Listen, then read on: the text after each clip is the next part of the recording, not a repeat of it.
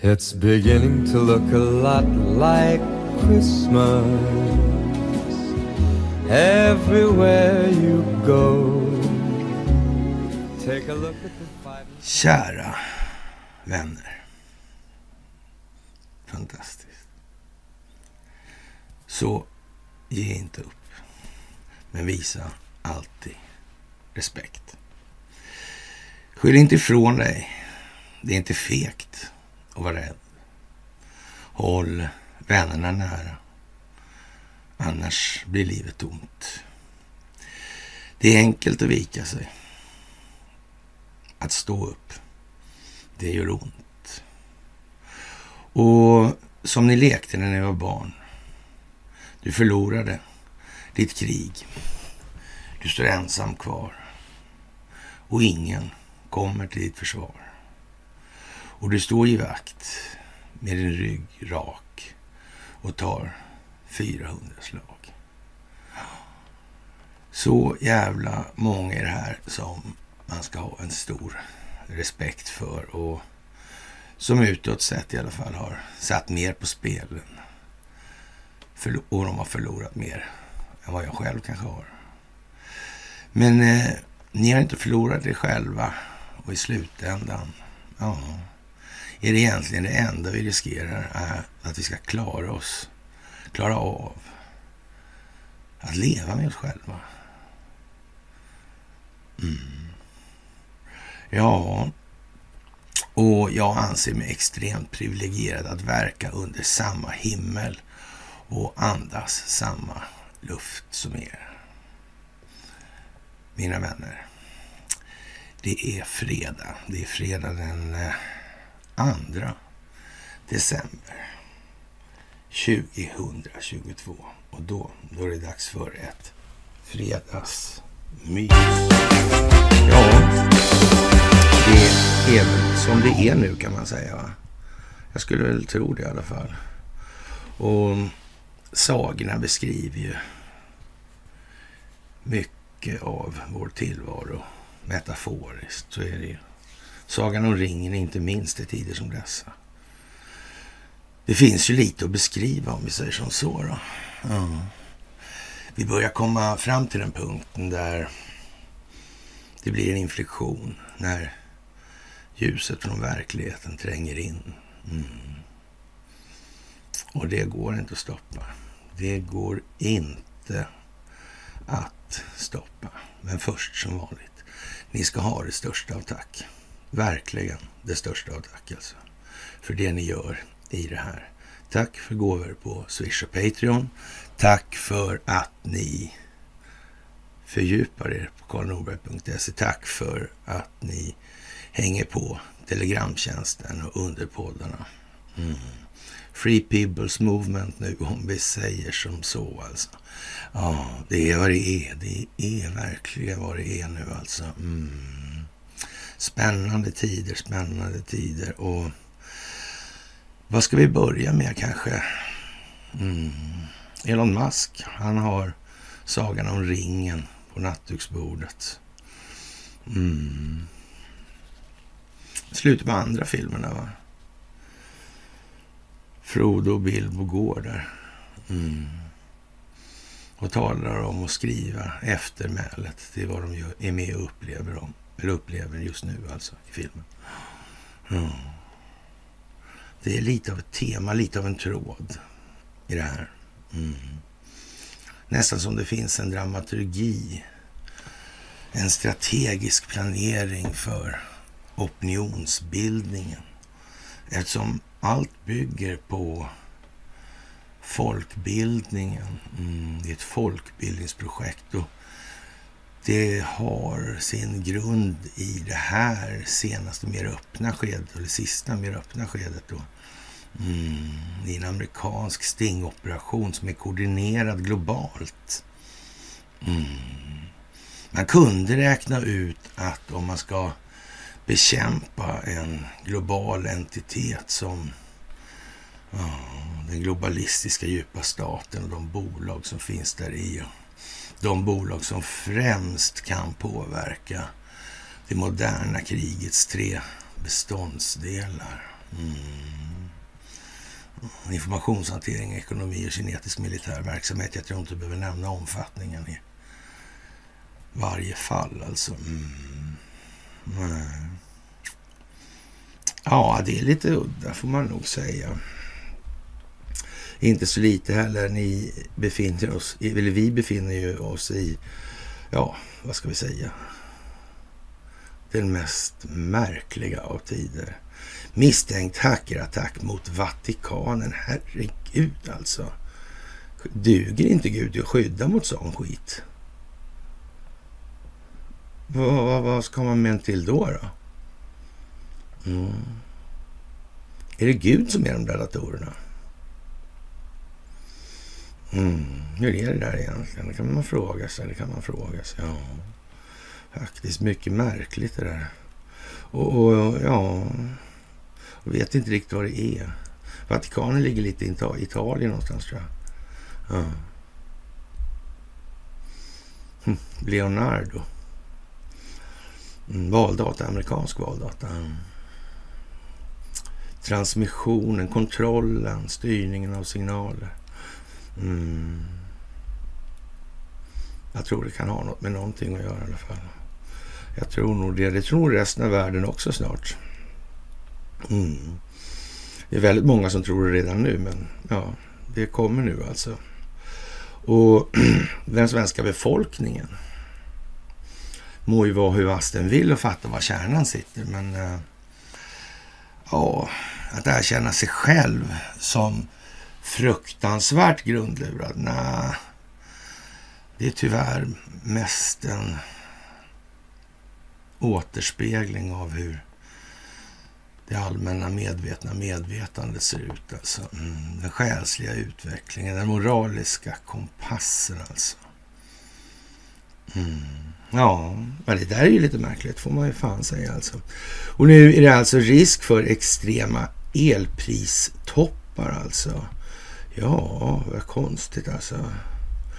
Ja, nya beskedet alltså. Ja. Försenade återstarten av Ringhals 4 ökar risken för extrema elpristoppar i februari. Samtidigt ser kallt väder och stoppet av Oskarshamn 3 ut att kunna bidra till att december blir den dyraste må månaden någonsin för svenska elkunder. Det är ju till att komma på lite snabbt också när vi redan är inne i den månaden. Nu är ju så att säga ledtiderna rätt så kort borta. Det är ju redan inne när det kommer. Alltså, jaha. Ja. Mm. Det blir lite grann som att... Ja. Konstatera att det blir mål i ishockeyn. Alla redan har sett att det blir mål. Mm. Så någon måste säga det. Det blir mål. Ja, ja. Mm. Det kan ju vara så. Kan det vara ett pedagogiskt grepp på den här frågan? Jag vet inte. Möjligen. Ja, jag förstår inte hur i så fall i alla fall. Ja, och, och, och det är hackerattacker i öriket Vanatau. Jättekonstigt alltså, ekot. Ja.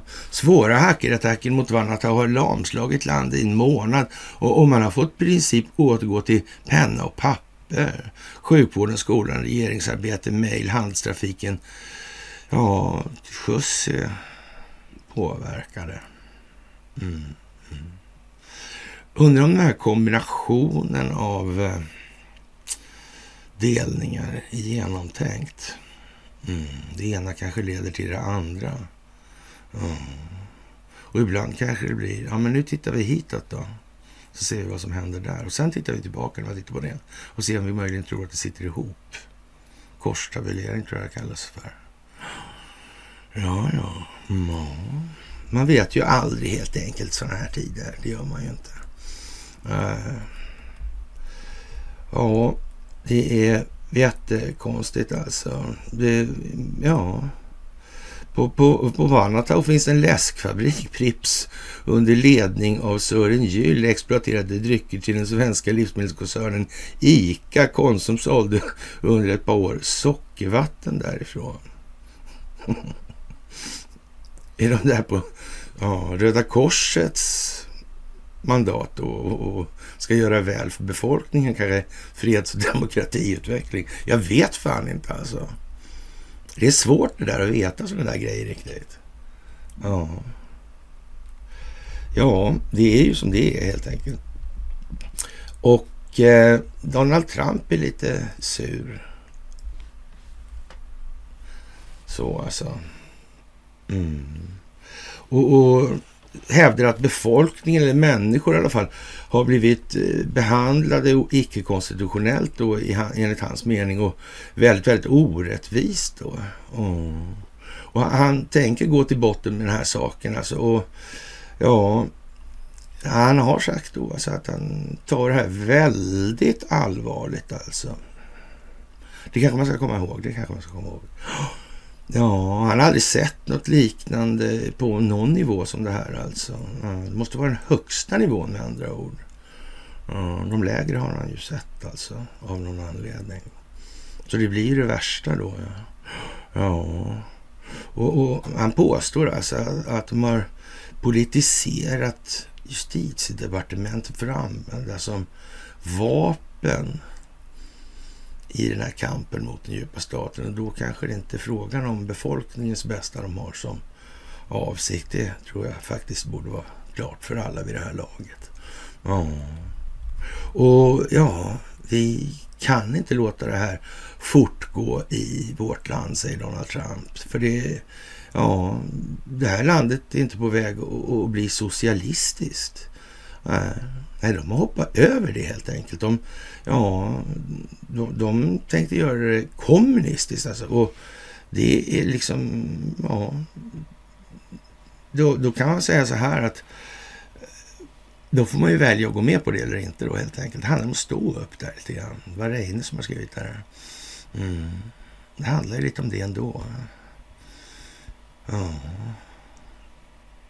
Det blir svårt att extrapolera någonting om man kan för lite om vad som har varit. Mm. Man kan liksom inte dra en tangent liksom och dra ut den i förlängningen och se vilket mönster som de har haft händelserna. Sen så. Man kan liksom inte se in i framtiden om man inte vet någonting bakom vad som har varit. Mm. Det kan man tänka på också. Mm. En del människor har det i sig helt enkelt. Ja. Så vad Donald Trump vill göra är att tacka alla för det hårda arbetet och eh, ja, han vet hur hårt alla arbetar. Mm. Ungefär som Reine beskrev skulle man kunna säga också. Ja, och eh, alla vill ju ha någon form av rättvisa i det här alltså. Ja, även om, alltså, eller kanske all, särskilt då i Donald Trumps fall här, för de som sitter i fängsligt förvar då och eh, ja, lider något förjävligt alltså. Mm. Det är ju lite så. Mm. Det här får inte ske. Inte i Sverige heller. Det här får inte ske. Mm. Tänk, det är som mönster som har gjorts, som har vävts under väldigt lång tid. Ja, bildar en helhet. Ja. Mm. En balans liksom. Mm. Men eh, det här kommer vi att stoppa, säger Donald Trump faktiskt. Och vi kommer att vinna. Och eh, ja, tack så mycket till allihopa. Mm. Fantastiskt är det här. Hela alltet. Mm. Alltet är alltid Gud. Ja, på tal om... Eh, ja, ska jag inte säga så, men alla fyller sin roll, så ska jag säga. Och denna finska statsminister, vilket strategiskt geni hon måste vara. Otroligt alltså imponerande. Absolut, det, det, måste jag ju säga. Alltså hon har, ja, hon säger att Rysslands invasion av Ukraina har blottat europeisk svaghet och eh, misstag i bemötandet av Ryssland. Hon konstaterar att USA har varit avgörande för att förse Kiev med vapen, ekonomiskt stöd och humanitär hjälp. Jag måste vara eh, väldigt ärlig nu, brutalt ärlig. Europa är inte stark nog just nu. Vi, vi, vi skulle haft problem utan USA, säger hon till tankesmedjan Lowy Institute. Vi måste se till att vi också bygger upp den kapaciteten när det kommer till det europeiska försvaret, den europeiska försvarsindustrin och se till att vi kan hantera andra situationer, säger hon. Mm. Ja, EU borde lyssna på Polen och Estland som länge manat till en hårdare linje mot Ryssland, menar Marin. Ja, ja det... Ja. Frågan är om Marin verkligen inte har lite regi faktiskt, lite strategisk regi. Den där opinionsbildningen, den landar där den landar. Mm. Och det synes ju inte gynna den djupa staten det allra minsta om vi säger som så. Ja, vem vet alltså. Mm. Hon är lite grann den där uh, Sandra Ocasio Cortez. Va? Mm. Ja, de bryr sig inte om ekonomiska band och de bryr sig inte om sanktioner och ja, de bryr sig inte om något av det här alltså. Mm. Trots att de då i Ukraina gör stora framgångar i att bekämpa Putins hans vapen. Som bara är skit alltså, gjorda av begagnade kylskåp och frysdelar och, och, och, eller vad det är för något. Ja. ja. Men allvarligt skulle statsministern vara så jävla korkad? man kan säga så här att om det ska vara en skådis, mm, undrar hur de här auditions såg ut för de här rollerna. Ungefär alltså. Ja, kan man ju säga faktiskt. Ja, som sagt, återstarten av reaktorn var planerad till 31 januari, men det blev lite uppskjutet nu till 23 februari alltså. Och oförutsedda reparationer naturligtvis efter den årliga revisionen. Ja, det går bra med de här, alltså, men, men med vissa moment tar längre tid än vad vi först trodde. Ja, kan man säga så här. Och, och, det är en komplex reparation det här. Och, ja, ja. Det är väl lite som det är kanske. Mm. Faktiskt. Det får man säga. Ja, Sverige vinner, säger Dr. Jordan B. Peterson. Ja. Jaha. Vinner? Ja. Det får vi hoppas att vi gör. Mm. Sverige vinner. Den svenska befolkningen vinner. Mm. Och det sker genom att eh, Sverige ja, ställer liksom inte upp på de här totala nedstängningarna och, och man höll skolorna öppna och vi har alltså den lägsta dödligheten per capita i den här pandemin alltså. Mm. Ja, vad konstigt. Men eh, hur kommer det sig att man har det då? Mm. För sjukt, allt det där var ju en bluff liksom. En eh, illusion, en vision, en syn. Mm. Skapar en förståelse byggd på vilseledning. Mm. Ja, jag vet inte. Tänk om... Eh, ja... Kan någon ha... Vad sa kineserna? Sverige kommer att bli ett svart hål i fråga om den här pandemin. Alltså det är samma gäng nu som snackar om ett fåtal svenskar som på ett brutalt vis och den där familjen har trakasserat det här jordklotet i 200 år. Det är samma alltså. Mm. de kommer inte ihåg de här grejerna också. Så. Uh, jag vet inte. Jag kanske inte tänkte på det heller. Jaha, och det går ju dåligt med cyberrymden här och en säkerhetsrelaterad incident har upptäckts hos en enskilda, en, en a-kassa alltså.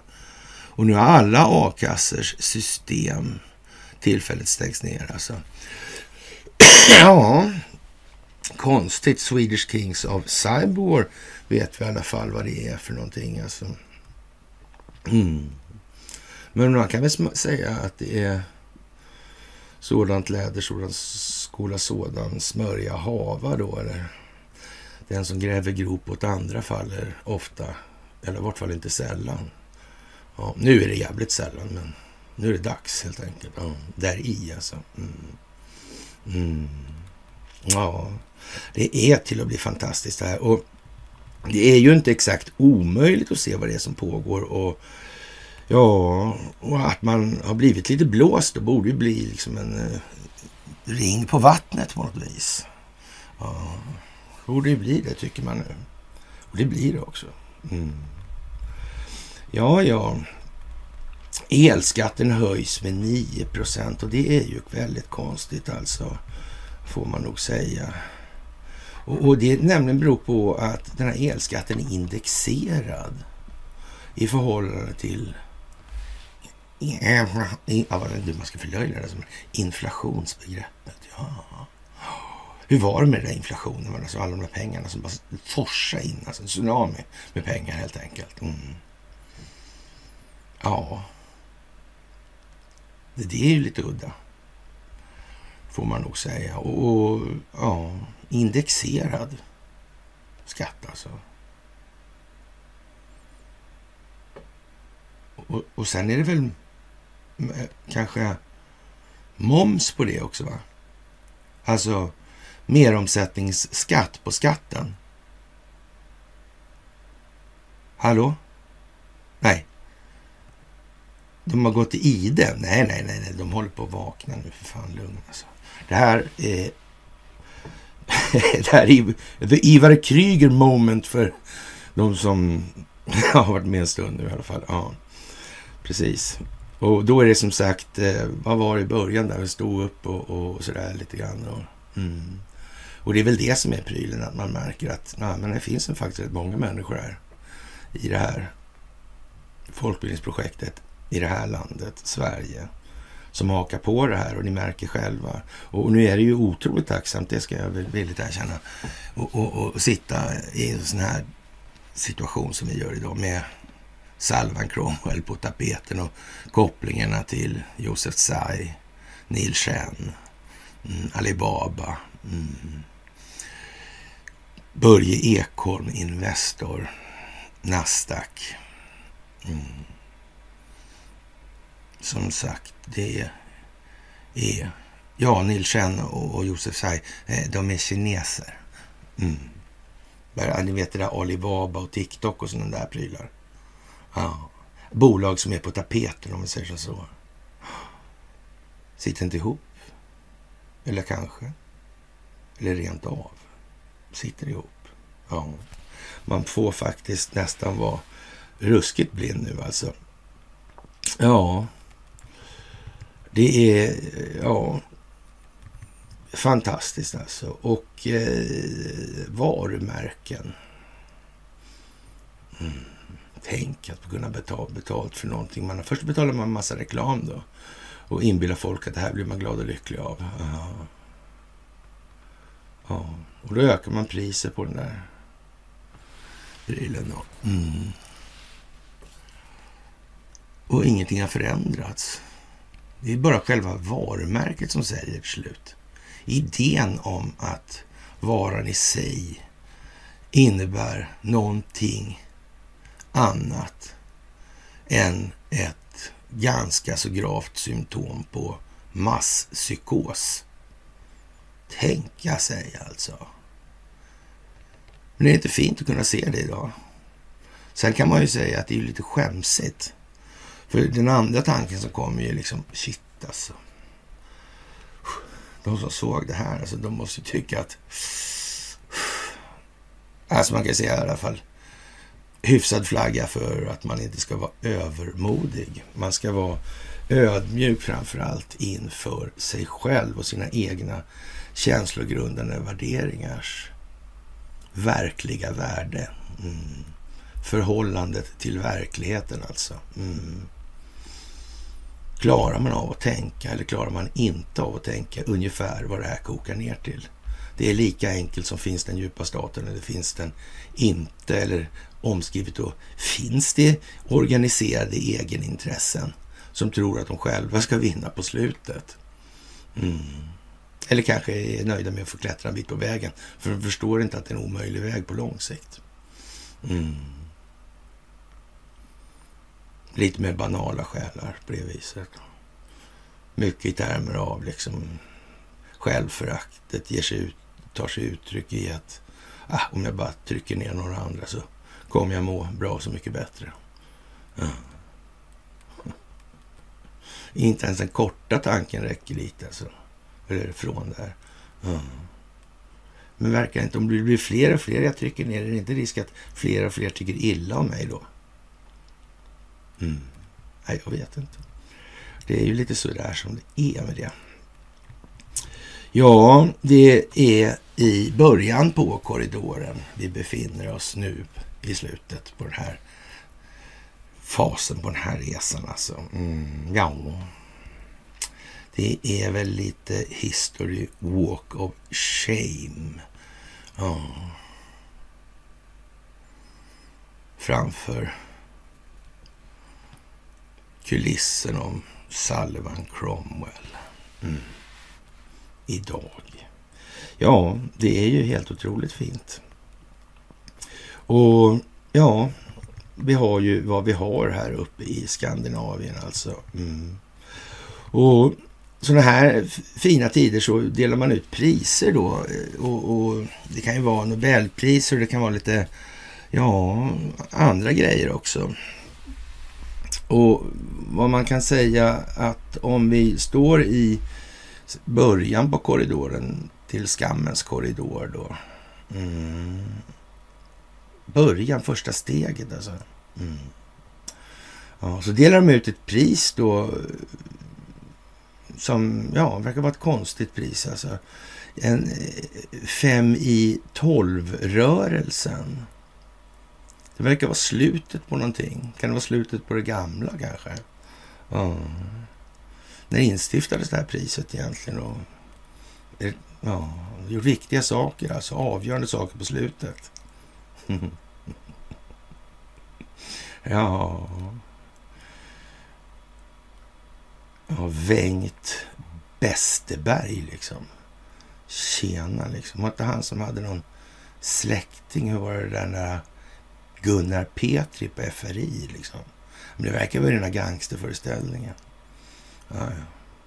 Men för att lappa igen det lite så tar man en av de hedligaste, eller mest hedliga politikerna som de svenska politiska adeln har hållit fram som galjonsfigur. Vi tar eh, Tobler eh, Mona. Mm. Det kan vi ta. Mm. Ja, hon är ju ett moraliskt föredöme. Den med löneintygen och livvakten som var vänsterknäck och ja, stackars den här, vad heter han? Ja, jag vet inte, Lasse, Bosse kanske han hette va? Mm. Ja, raggartackan från Sumpan liksom. Mm. Ja, inte skulle väl hon. Aldrig väl. Nej, det tror jag inte. Mm. Ja, men ska man vara lite krass kan man väl säga så Hade det inte varit smartare att sätta henne liksom som avlönad på vad fan som helst då med någon jävla slashfond? Eller är hon odlad för det här på slutet då? Att hon ska vara fem i tolv ska hon visa att om ni inte fattar att det här är en blåskuliss med de här politiska partierna, då är ni helt dumma i huvudet. Eh, ja, eller? Hur fan är det tänkt? ja, och för att göra allt bara bättre. Annie Lööf. Ja, men hon har väl ändå inte gjort något? Nej, ingenting faktiskt. Ingenting, nej. nej. Men ingenting med FRA-lagen, nej. Spelar den en stor roll i det här spelet, tro? Mm, det här med att var tvingad att lagra det här. Mm. mm. Ja. Konstigt. Mm. Det är bra om man kan hämta hem allting sådär. Det är bra i efterhand. Tänk, synd att de inte kom på att de skulle ha lika mycket lagringskapacitet åtminstone. Mm. Som den djupa staten. Och de skulle motverka det här alltså. Och se till att samla in allting som man behövde, hade behövt haft efterhand. Man ska försöka göra någonting åt det. Mm. Eller kom de på det? Då skulle, varför talar de inte om det? Nej visst, nej, överraskningsmomentet ja. Ja, ja, ja, ja, det kan ju vara det alltså. Ja, ja, ja, ja, ja. Mm. Konstigt alltså. Ja, den grundades 88 i Härnösand säger man sådär. Då. Ja, det där är liksom, namnet åsyftar att det är sent men inte för sent för politisk förändring. Det kan man säga. Absolut alltså. De har förlorat, den djupa staten har förlorat. Mm. Och vi har farten. Vi har momentumet. Gummit har träffat asfalten. Så är det bara. Ja, lätt, jättespeciellt alltså.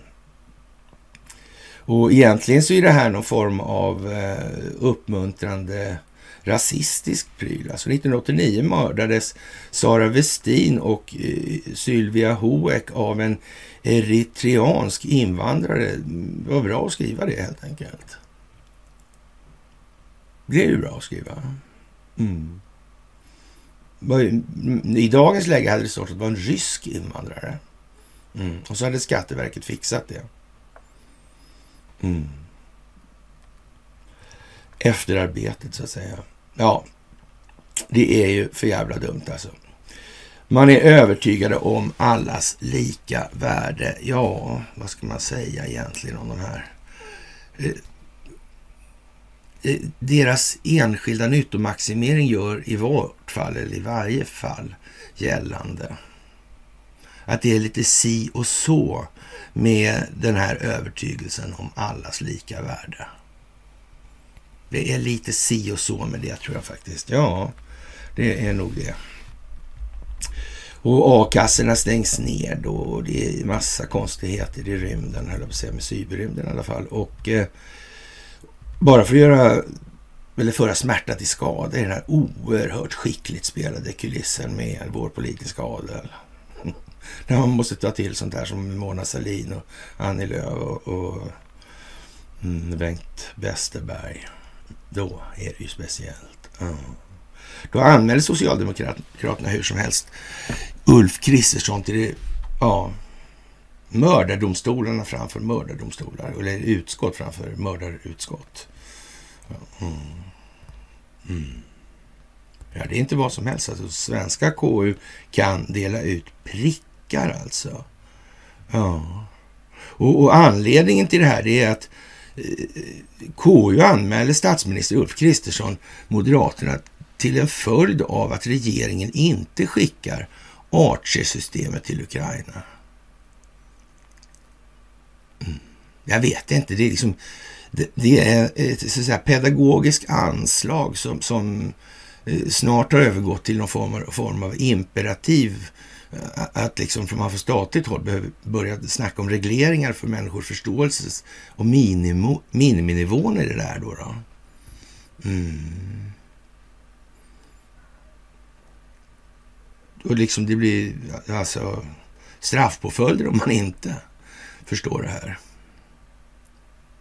Det är ju vad det här är då. I en avvägd bedömning i alla fall. Så är det så. Då måste man tänka lite till alltså. Och, men det vet inte jag om jag behöver sitta och säga här alltså. Mm. Och som sagt, teater med ägardirektiv. Finns de här entiteterna någonstans som styr? Mm. Eller gör de inte det? De finns inte alls kanske. Men en sån här solig dag, inte ett skit soligt och gråkallt och nollgradigt, Sådana här grejer i och för sig, men ändå. Just en sån här, hur som helst. För det hade väl i alla fall Rothschild och Rockefeller och de här kunnat ordna. Eller vad hade inte Schwabben kunnat stå på sig lite rymdsuits liksom och, och ja, sitta och, och klappa på en katt i någon mystisk, ja. Hur fan hade han mage att döpa det till Smärs liksom? Mm. Det ryska kontraspionaget som hindrade infiltrationen av ryska underrättelsetjänster och såg till att det aldrig blev något alltså tillställt alltså. Schmärs visste vad det var och talade inte om vad det var de visste. Det var enda chansen att så att säga, kunna motverka det på något sätt. Mm. Där kan man snacka om need to know basis i den strategiska planeringen. Mm, det kan man säga. Ja, ja. Så det har hållits på på det hållet rätt länge också. Konstigt det där. Jag vet inte. Eller gör jag kanske det? Ja, whatever. Jaha, och eh, banker som utvecklar teknik för att spåra vapenköp och under sken av att flagga potentiella masskyttar. Jaha. Mm. Det här med metadatainsamling, preferenskartor och så det, det är lite grann som i det moderna kriget. Det är liksom helt plötsligt glömmer man bort de här faktorerna och vad det än gäller liksom. De är med överallt hela tiden. Det är ju så. Mm.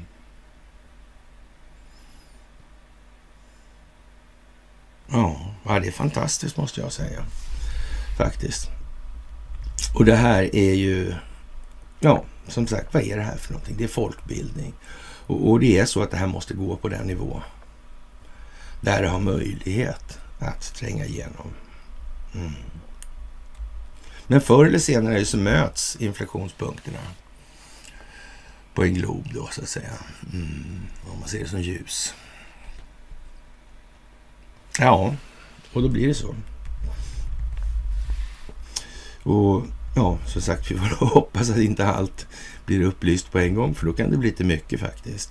Och, och som en händelse får SpaceX skicka upp ytterligare 7500 eh, satelliter. Då. Och då får man ju, kan man ju undra lite grann om skulle det möjligen kunna ja, uppfattas då hos dem som, hos Mona, Bengt och Annie till exempel, i deras gäng, där, i deras omklädningsrum. Mm. Skulle det kunna uppfattas, möjligen kunna nästan sägas vara lite demoraliserande, alltså menligt inverkande på stridsmoralen, skulle man kunna säga det. Mm, jag tror det. Det där kan inte vara så där jävla hundra. Nej, det tror jag inte. För jag vet inte om jag tror att de tror på att det är Rockefeller. Hur som helst har de klart för sig hur, hur befälsordningen är strukturerad hemma. Alltså. Mm. Det har de i alla fall så långt. Och, och, de har ju faktiskt aldrig fått se över kanten att det finns någonting mer egentligen. Alltså. Däremot kan man ju misstänka att, ja, vad ska man säga, ledningscentralen, ja, den är, överdriver inte sin egen betydelse alltid i alla fall. Nej, så. Det kan man tänka sig. Det verkar helt onödigt. Ja. Och det är dags att Eh, fundera lite på om Börje håller med för mycket mer stretchingövningar. Alltså jag tror att hans höftböjare börjar bli lite sletna liksom. Ja, det, det är faktiskt så alltså. Mm. Och som sagt, hur var det där med det där bolaget som tillverkar de här små drönarna där alltså? Ja. Hade det några kopplingar till Sverige där? Jag vet inte. Det, det, det kan ha varit det i alla fall. Ja, och nu får man använda de här drönarna till dödligt våld också i San Francisco. Mm. Ja, visste man inte bättre skulle man tro att det var någon sån där typ riktigt ordentligt skicklig Hollywood-regissör som har hållit på med det här och haft hjälp av datorer i den meningen. Mm, för att slipa lite på kantigheten kanske. Mm. Finns det någon sån där lirare runt Donald Trump tror mm. Ja, det kan vara. Han var väl till och med i sån här förtroendeskaparsammanhang, vill jag minnas. Eller minns jag fel? Det gör jag ju inte. Nej, det är jävligt märkligt faktiskt. Ja, det blir ju tjurigt alltså det här med att, eh, ja, Hultqvist där. Mm. Känner han till någonting om de här Eh, bolagen, eller de bakom de här bolagen som tillverkar de här minidrönarna. Eller han kanske inte vet ju om det där med minidrönarna ens. Även om man kan läsa det öppen text i öppna källor. Liksom. Mm. Borde inte han ha någon anställd, eller säga. Men ja, det borde han ju ha. Ja, men han har ju någon sån där polissekreterare va? som ska hålla reda på sånt där och läsa in sig på sånt där och, och, och så att säga avgränsa informationen så han slipper ta in så himla mycket information i Hultqvist. Så alltså. Men uppenbarligen har han ju kommit ganska långt sådär. Mm. Folk kanske skulle fundera på det där. Varför har man en så att säga, kanalisering före hela tiden i de här? Är det liksom för att hålla bort journalisterna som argt kämpar för att eh, de jobbar åt eh, samma gäng liksom. Mm. Men det, ibland så, ibland så, så blir det som Reine tyckte också så här lite grann. Det kan kännas tungt ibland. Ja, så är det, så är det naturligtvis. Jaha, och ellarmet i syd alltså och, och risk att Malmö ligger nere i dagar. Ja. Mm. Malmös möjligheter att sparka igång Eh, elnätet vid eh, ett stort avbrott har monterats ner och, och sålts till Asien, varnar experter. Alltså det kan ta dagar att få igång det i värsta fall, säger Per Tryding då, som är vd för Sydsvenska Handelskammaren.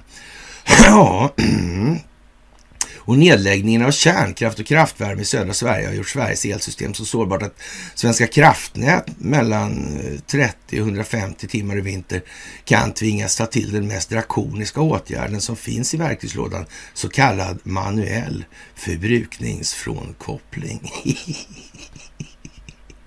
ja, ja, jag vet inte.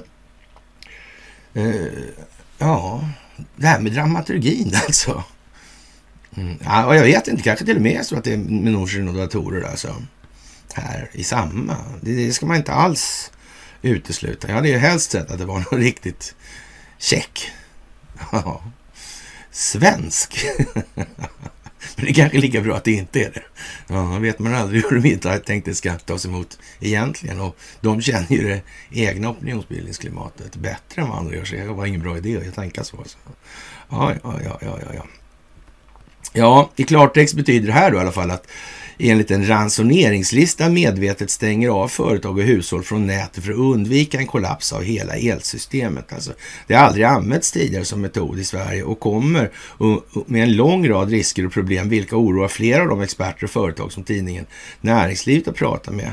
Och ja, även om risken för en frånkoppling bedöms som liten då så, så ja, konsekvenserna skulle bli så pass stora att det eh, inte går att tolerera menar de. Alltså, ja, det där är alltså är inte bra alltså. Mm.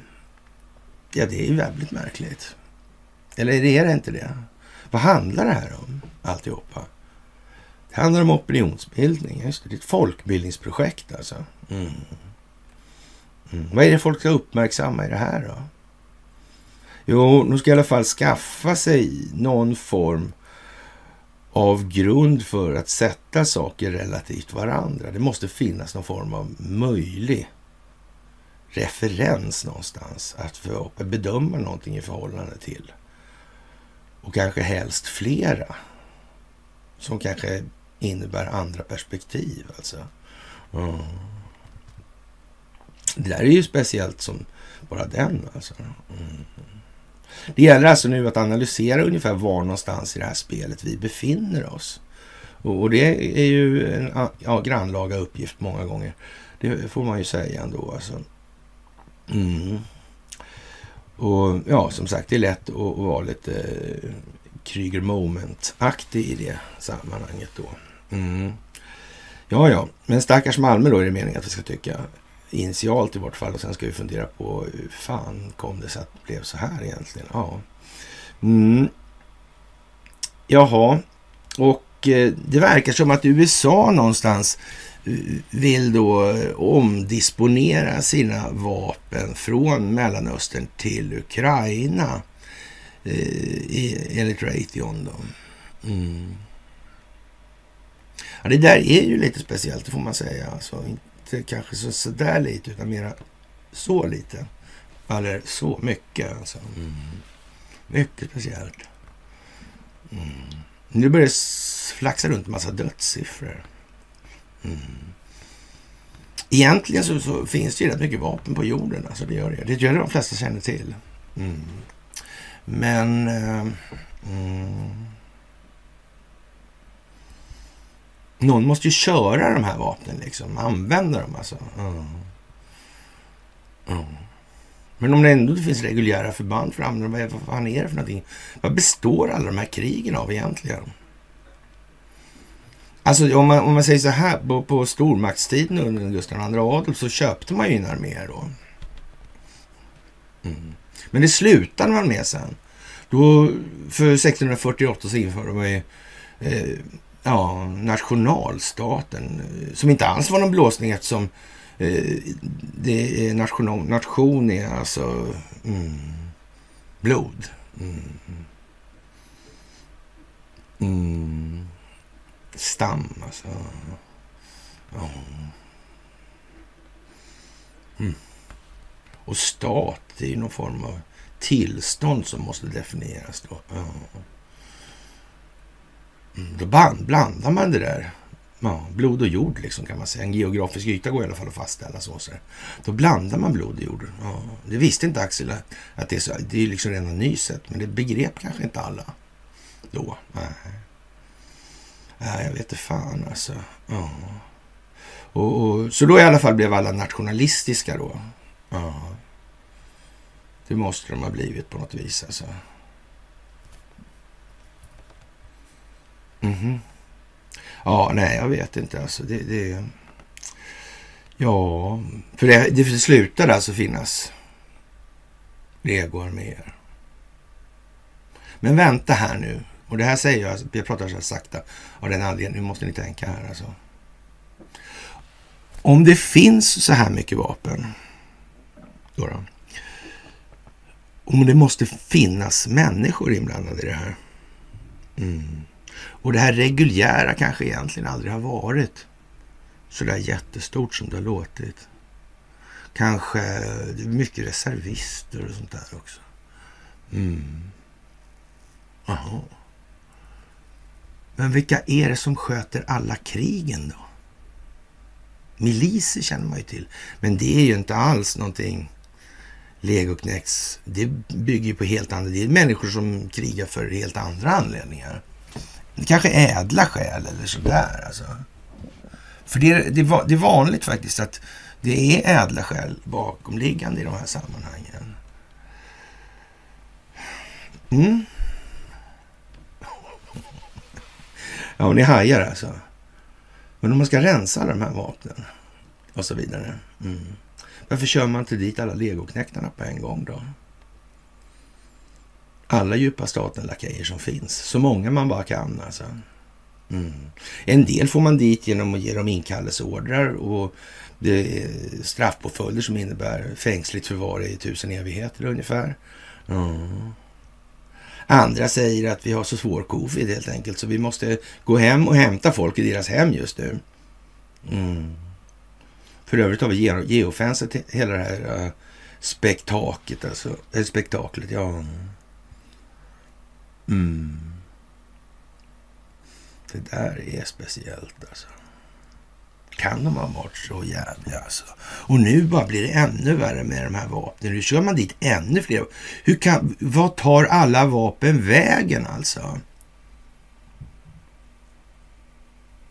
Det måste vara den snabbaste nedrustningskampanjen i människans historia hur lätt som helst ju.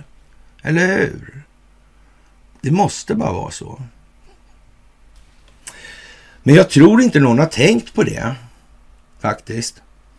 Vi får väl se om det behöver gå ända till att eh, Zelenskyj vill ha kärnvapen alltså. Ja.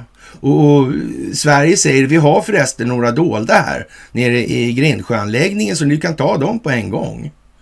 Ja, när, när man ändå är inne på spåret att de, de håller på och KU-anmäler Hultqvist för att han inte vill skicka Archer. Då undrar man ju liksom, ska det behöva gå längre innan folk fattar? Mm. Det är något konstigt alltså.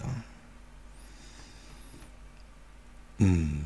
Men om man vet att det är miliser som har, liksom, är det jättelätt att köra den här, ja, så man tar en Archer-pjäs till exempel. Är det, liksom, det finns ingen teknologi i den där som kräver något särskilt. det är fem veckors projekt och vaska fram soldater till det där.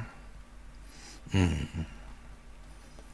Man, man, kan säga att bara eh, Eldledningsfunktionerna i de här sammanhangen är någonting som jag tror tar lite tid alltså. Man bör ha en viss förstegsutbildning innan man ger sig på handhavandet av en sån där alltså. Jag, jag gissar bara alltså. Då är vi, viss, har jag visserligen ja, gått artillerilinjen på officershögskola och sådär. Så att ja, men jag tror, jag tror, eh, mm, men jag vet ju inte. Det gör jag inte.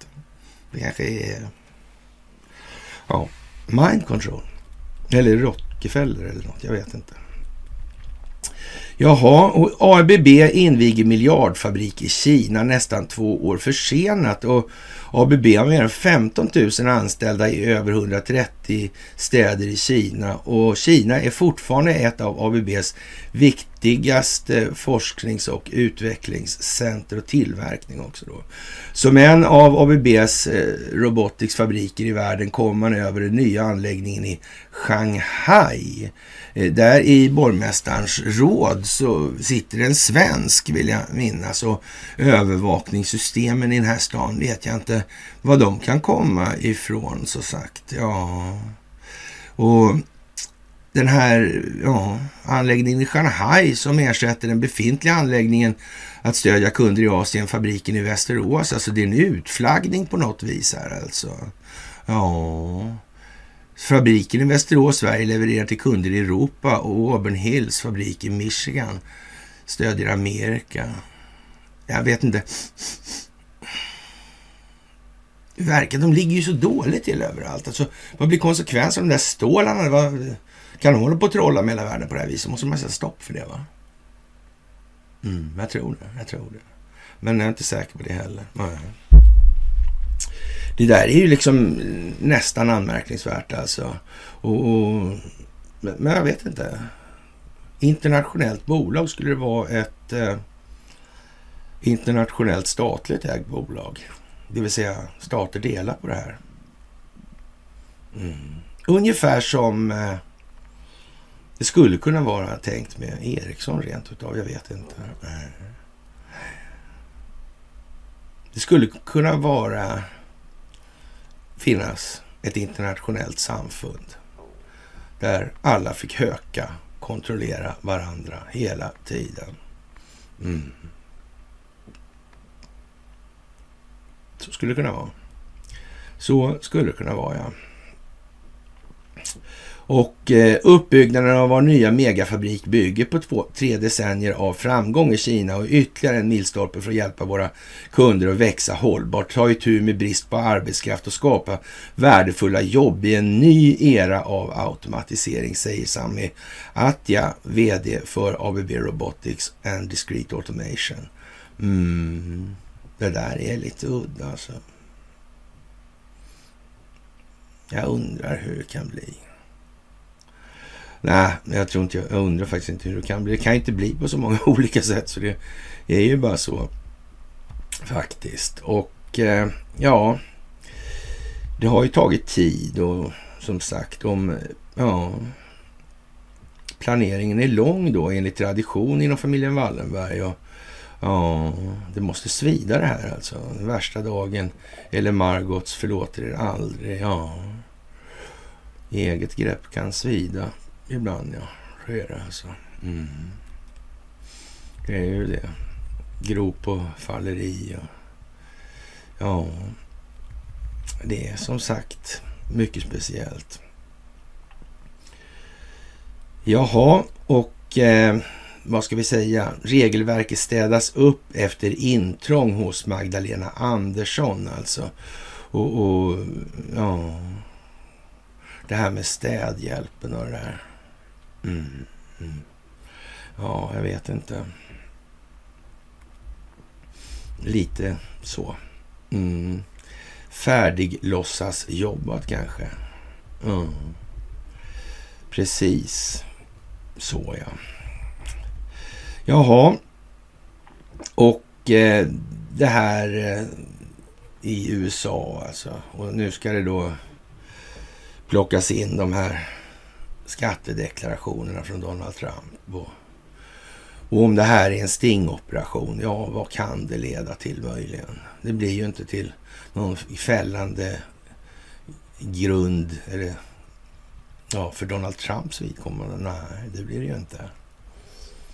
Utan det blir istället sex år bakåt i tiden granskning av alla kongress och senatsledamöter och deras respektive anhöriga, kopplingar till bolag, stiftelser och så vidare. Och sen blir expulsion i kongressen. Mm. Så är det ja. Och vad egentligen så, så de många människor ser ju det här men amerikaner har ingen chans att se det här högst upp. Det går ju inte. Nej. Det går inte. Och ja, synen på pengar, den är vad det är också. Människorna börjar lära sig i alla fall vad den här djupa staten är liksom för någonting och systemet och så vidare. Det är de här avarterna för hållhakar och, och ja, hot, förräderi och alla dåliga saker egentligen kan man väl säga. Det, ja, korruptionen, morden, penningtvätten och bla bla bla. Liksom sådär. Och eh, ja, alla ser inte samma sak samtidigt. Alla ser att något inte stämmer och, och ja, och så börjar man prata sinsemellan nu. Mm. Ledning till upplysning. Till vidare ledning och upplysning. Mm. Ja, det är ju lite sådär speciellt nu. Det får man ju säga. och den djupa staten sitter ju där den sitter nu, i det här opinionsbildningsklimatet. Det spelar ingen roll vad de gör alltså. Om det blir lite sämre eller mycket sämre, det, det spelar nästan ingen roll. Och de har alltid resonerat i termer av de gör mer av samma sak. Det är det enda de kan göra. Så det blir bara som det blir nu. Och eh, ja, det här med fake news alltså. Ja. Det är ju konstigt alltså. Mm. Det är jättebra som det är nu. Och det är klart att eh, ja, om Twitter har manipulerat valet. Christopher Ray snackar bort sig alltså. Mm. Och erkänner att FBI har haft folk på plats sen kanske upp till ett år före den 3 november. Och planerat för eventet den, 17, eller den eh, 6 januari 2021. Mm. Ja, man vet ju inte egentligen vad som är vad. Vi vet inte hur många ukrainska soldater som har dött. Varför skulle Ukrainas militärer vara så jävla dumma så de gick med Om dessutom Vladimir Putin pratade med dem. Och då kunde man väl ha sagt så här, men fan, tänk på människoliven, helvete. Ja, kliv med här nu så spelar vi det här. Och så, ja, alltså, så, collateral damage blir ju alltså, det kommer ju dö en och annan legoknäck, men de kommer ju bara fortsätta åka runt jorden och stöka. Så vad ska vi göra liksom? De tar ju inte reson liksom. Om jordens befolkning måste få klart för sig att den där typen av jävla verksamhet som har pågått sedan långt före 1648 och blåsningen med Westfaliska freden och bildandet av nationalstaten. Ja, så ta med fan alltså. Det var konstigt att han inte gjorde det. Nej. Det var ju konstigt. Mm. Sådär. Och eh, ja, det här eh, Balenciaga och barnhistorien, det är liksom inget vidare snyggt alltså. Och ja, Alice i Underlandet, ja, det är väl eh, vad det är helt enkelt. Och eh, mm, Hillary Clinton, Bandar bin Sultan. Mm. Vad tråkigt det där med uh, Hilton. Mm. Riyadh. Mm. Ja. Konstigt alltihopa. Eller? Nej, jag vet inte. Jag vet inte. Låsa in släkten också, just det. Så var det också. Ja. Men inget Saudi Ericsson här. Ja, jag vet inte, jag vet inte. Jaha. Och ja, Musk han säger att Twitter interfererat och kommer att avslöja en hel del kring valmanipulationerna. Och länder som var aktiva i mellanårsvalet nu alltså. Jaha. Det är fortfarande geofencing igång alltså. Tänka sig. Mm, jävla konstigt. De talar inte ens om när de börjar och, och de talar inte om när de slutar heller. Vilka svin. Mm. Då skulle ju någon ha sagt något. Jag vet inte varför den tanken är så stark att det ska vara så. Är det, är det lättjan som återspeglas där på något vis intellektuellt då? Att eh, man, eh, ja, man vill inte verkligen inte tänka efter. Man orkar inte. Man vill inte. Man är rädd för att se hur det ser ut inuti sig själv. Man, man kanske inte blir så där stolt heller. Det vet ju inte jag liksom. Kan ju vara så alltså, att man tycker att det är lite motbjudande syn när man tittar på sig själv. Alltså, för man vet ju innerst inne ändå att nej, men här var jag feg, dum, lat och så vidare. Mm. Jag kunde ha gjort bättre kort sagt alltså. Och eh, ja, det är väl eh, lite sådär eh, svårt att koordinera samstämmigheten nu alltså. Utan nu går, ju, nu går det ju jättesnabbt alltså. Det går inte att bromsa längre alltså. Det är mycket, mycket trist historia alltså. Ja, Ja, Jens Saki, tidigare pressekreterare för Vita huset, sa, eller presstalsman, sa att justitieminister Merrick Garland är, tyst, är en tyst storm som kommer. Jaha. Ja. Mm. Som sagt, eh, det handlar om att ha den längsta planeringen. Mm. Och vad ska en stackars flicka säga i det här läget? Ja, jag är inte så säker på att hon har tänkt på det där till exempel med signalvärdet i valet av advokatbyrå som alltså Sullivan Cromwell för verksamheten med att muta Isis och stämningen från ja, vad var det nu var, 589 eller 398 eller något, jag kommer inte ihåg. Men sådär alltså, ett antal hundra i alla fall. Ja, det är lite udda sådär. Och eh, ja, projekt eh, folkbokföring alltså. Projekt Gökungen eh, avslöjar fejkade skilsmässor. Ja. Varför detta behov av kontroll på det viset? Mm. Och naturligtvis är det för att inte det ska begås en massa ja, oegentligheter mot rådande regelverk. Mm. Mm. Men eh, låt säga att eh, rådande regelverk även är till för att användas av eh, den djupa staten. För att skal, skapa olika både politiska och ekonomiska effekter. Mm. Låt säga att man har en miljon extra. Ja, vad ska vi säga? Icke fysiska men ändå juridiska personer, alltså i form av personer bara med personnummer. Så, mm, I systemet. Mm. Det här koordineras naturligtvis med Migrationsverket. Mm. De här får poströsta. Mm. De här har bank-id. Mm.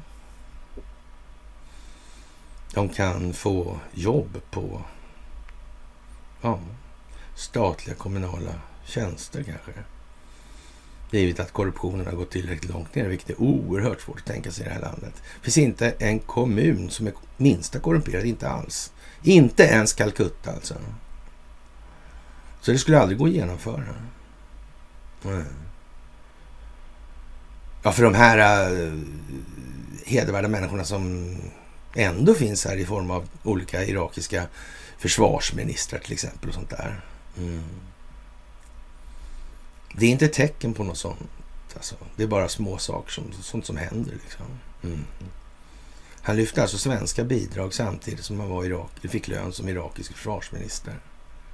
Och ingen så, inte, det är ju helt fantastiskt egentligen att man, man säger så här, vilken dag på jobbet för eh, eh Säpochefen, alltså när han upptäckte, inte upptäckte det där, höll jag på säga. Men, ja, hur var det där egentligen? Borde inte, var inte det en lite sådär, eh, lite främmande maktvarning på den nästan? Va? Ja, ja. Vilka prioriteter, alltså, eh, jag vet inte exakt hur ett värre misslyckande ser ut då. Kontraspionaget? Nej, inget. Nej, nej, nej, nej. Irakisk underrättelsetjänst etableras inte by the way här då. då. Nej, det gjorde den säkert inte. Det tror inte jag heller. Men, eh, men det kanske berodde på andra. För om det nu kulissmässigt skulle ha varit den här situationen på allvar. Jag menar, då hade det här fallissemanget varit, ja, jag vet inte alltså. Stabilitetsofficeren på A Vasa, mm. personalvårdsofficeren på Bounty. Mm. De hade varit liksom framgångssager jämfört med det här. Mm. Eller hur? Liksom. Ja, jag tycker det här är lite speciellt, det måste jag säga. Alltså. Och, och ja, de tjänar pengar på välfärden i Södertälje. Ja. Syrien, har det varit något strul där förresten? Finns det miliser där? Mm, jaha. Mm. Ja, ja, ja, ja, ja, ja. Ja. Och, och att tyska finansministeriet tar fram eh, ja, kängorna helt enkelt nu, alltså stöveltrampen där, med stålhättorna va? Och, och, och laddar på en pungjagare alltså och, och, mot befolkningen och ja, de tänker inte ställa upp och dela ut några pengar minsann alltså. De börjar liksom, ja, nu börjar Husses mm, anda, inte ja, pengar gärna, men inte så länge, mm, inte mina, nej. Eh, ja. Fantastiskt, fantastiskt, fantastiskt. Och eh, ja, talibanerna förbjuder Voice of America. Mm. Ja, de måste ju hålla fanan uppe ändå alltså. Det går inte bara att tvärnita knarkhandeln liksom och, och så. Det måste ju vara lite religion här också. Mm. Det finns många människor som är religiösa som faktiskt måste med på det här också. Och de måste ju ha sin nivå på retoriken och argumentationen på optiken för att ta till sig det här. Och då får det bli sånt här. Ja. Så är det ju. Mm. Ja, och eh, ja, det är som sagt, det måste bli dummare. Det måste bli dummare för folk ska med. Och det är ju också en sån sak då att ju mindre energi vi lägger på hur vi är och verkar i vårt nu, alltså i verkligheten. Ja. Desto längre kommer den här tiden att ta. Alltså det är vår egen tidsaxel vi jobbar på hela tiden alltså. Mm. Och vi ska åstadkomma si eller så mycket effekt. Alltså antingen vi vill eller inte då, om jag uttrycker mig som så. Då. Ja, det är bara liksom det. Det, är, det, finns ingen annan befolkning som hoppar in här helt plötsligt och, och, gör att vi slipper göra det vi måste göra. Det kommer ingen interplanetär invasion liksom av bildat folk och så ska vi just vi vara kvar då, eller hur? Ja, men ja, sådär alltså. Och ja, den här omöjliga nyttan av blandningen blod och jord 1648 i Westfaliska freden alltså. Gjorde inte Axel det med flit heller. Alltså, det, det är lite så. Ja. Det där är konstigt alltså. Mm. Det, vi går igen lite grann det där att det finns liksom bara en planet, en befolkning. Mm. Ja, faktiskt. Och eh, om eh, man står, eh, ja, nära en person då som har ett covidpass och, och är, som är röd då, redan tio, eh, ja, ja, tio minuter alltså. Eh, ja, så kommer den eh, artificiella intelligensen i kinesiska regeringens verksamhet där och ja, de kommer att snäppa om ditt covidpass till rött också. Och, och, avståndet mellan dig och den personen kan bli ja, ungefär 800-900 meter sådär. Mm, det är geofencing-gränsen alltså. Mm. Ja, det, det är ju lite speciellt alltså.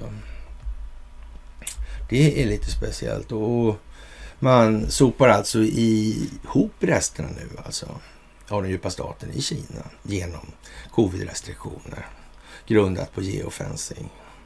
Den moderna övervakningen som exponeras samtidigt. Ja. Mm. Och som sagt, Neil Chen och Josef Tsai. Mm. Josef gick från Sullivan Cromwell till Investor. Mm. Investor hade hållhakar redan på bröderna Dall i eftermälet av första världskriget och den här advokatbyråns verksamhet som handlade om exploateringsrätt av kolonier. Mm. Mm. Vad folk i kolonierna tyckte. Vem startade underrättelsetjänsterna tro? Ja, just det. Det var ju de, ja. Jaha. Kompanierna. Så dumt. Ja, så dumt. Så in i helvete dumt. Och så kan det inte vara, därför då hade någon sagt något. Jo, det var ju det liksom. Mm. Ja, ja. Jag vill inte tänka då, eller sådär. Och då visade det sig då att eh, i Kina då, i Hang, Hangzhou, så blir det någon form av verksamhet där man går dörr till dörr alltså. Och ja, man, man kör dem till karantän, karantänkamper helt enkelt, karantänläger alltså. Mm. Och, och, de var inte ens infekterade med covid. Nej, jävlar. Mm. Men, men man vet ju inte helt enkelt. Man vet ju inte. Jo, det gör man ju alltså. Mm. Det är ju alldeles märkligt det här att det är ju nästan helt öppet. Ändå så verkar det väldigt, väldigt svårt att så, se för många. Ja. Jaha, och eh, ja, om, eh, vad ska man säga? Eh, Biden redo att tala med Putin om det finns ett intresse att avsluta kriget? Ja, och det vet inte jag om det länder någon heder till eller sådär i, i, den meningen. Men man kan väl eh, säga så här att det känns lite grann som det är läge för fredsförhandlingen då här. På något vis med avseende på eh, händelseutvecklingen i omvärlden då.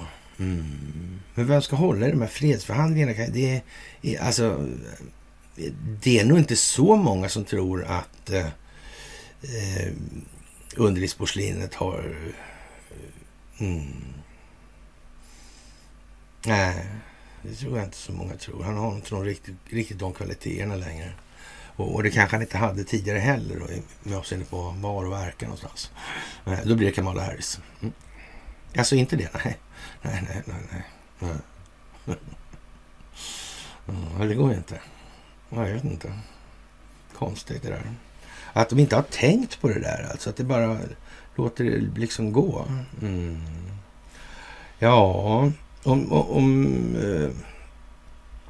eh, Kina går från det man själv beskriver som neutralitet till att börja pressa Ryssland att avsluta konflikten, då tror jag att det kan bli en stor förändring, säger eh, ja, en expert här då. då. Mm.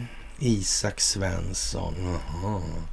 Och ja, e-, enligt, ja, vad ska man säga, enligt herr Svensson då så professor vid institutionen för freds och konfliktforskning på Uppsala universitet som ja, är vad det är. Och då kan länder som har ett inflytande på Ryssland påverka krigets framtid. Han nämner Kina och Saudiarabien som exempel. Alltså. När de upplever att konflikten kostar för mycket kan de börja sätta press på Ryssland att ändra strategi och gå till förhandlingsbordet, säger han. Mm. Ja, jag vet inte. Och, och redan 2014, samma år som Ryssland annekterar Krimhalvön, tecknar Ryssland och Kina 30 år långt eh, avtal om gasleveranser. Det är ett strategiskt eh, avtal då. Om det är 30 år alltså. Det är rätt lång tid. Ja. Mm. Ungefär som 30-åriga kriget då. Ja. Aha. Och, och då redogjorde man inte för några strategiska avsikter i förhållande till varandra. De kallar varandra för strategiska parter som de talat om vad de tänkte göra på lång sikt. Ja, så är det. Ja. Ja, så är det ju naturligtvis. Ja, ja. ja. ja då ligger det liksom med i det här. De har, de har liksom samarbetat då på något vis. Mm. Konstigt alltså. Strategiska partners. Har Sverige några strategiska partners? Nej, visst nej, det inte alltså, Har de svenska företagen, ska vi säga, några... Ja, för det, med Kina och Ryssland är så, de är hårda diktaturer där är statsmakten den dominerande faktorn. Ja, oavsett vad man sen bedriver för verksamhet ute oh, på fältet. Oh. Ja, det här är ju lite konstigt, det måste jag säga alltså. Mm, att jag inte tycker att det är konstigt alls alltså. Och vad innebär det här då när CNN och, och ja, 14 alltså de här. Mm. Strategisk partner till CNN Expressen, ja. Samma år. Men de hade inte heller förstått det där med strategiskt partnerskap. De skrev det på skylt för att vara märkvärdiga. Fattade inte riktigt vad orden betydde. Eller gjorde de det? Ja. Garanterat var det så att det fanns ett antal inom de här organisationerna, Expressen och CNN, som inte fattade och tänkte på det där. Men det finns också en ganska stor möjlighet till att det fanns inom de här organisationerna människor som undrar hur det kom sig att man så att säga gjorde en sån utfästelse. Vad är det vi har gemensamt som gör oss till strategiska partners? I vad då? Ja, jag vet inte om det finns så många olika ämnen att välja på. Man skulle kunna säga att eh, strategisk opinionsbildning förefaller vara alena saliggörande som svar. Då. Mm. Ja. jag tänk så konstigt alltså. Det är ju konstigt alltså. Mm. Ja, det här bidrog till att Ryssland minskade sitt beroende av Europa som varit den största importören av rysk gas. Samtidigt växte beroendet av Kina. Jag gjorde det det egentligen? Det var väl bara att det fördjupades då snarare. Mm. Det var ju som sagt planerat.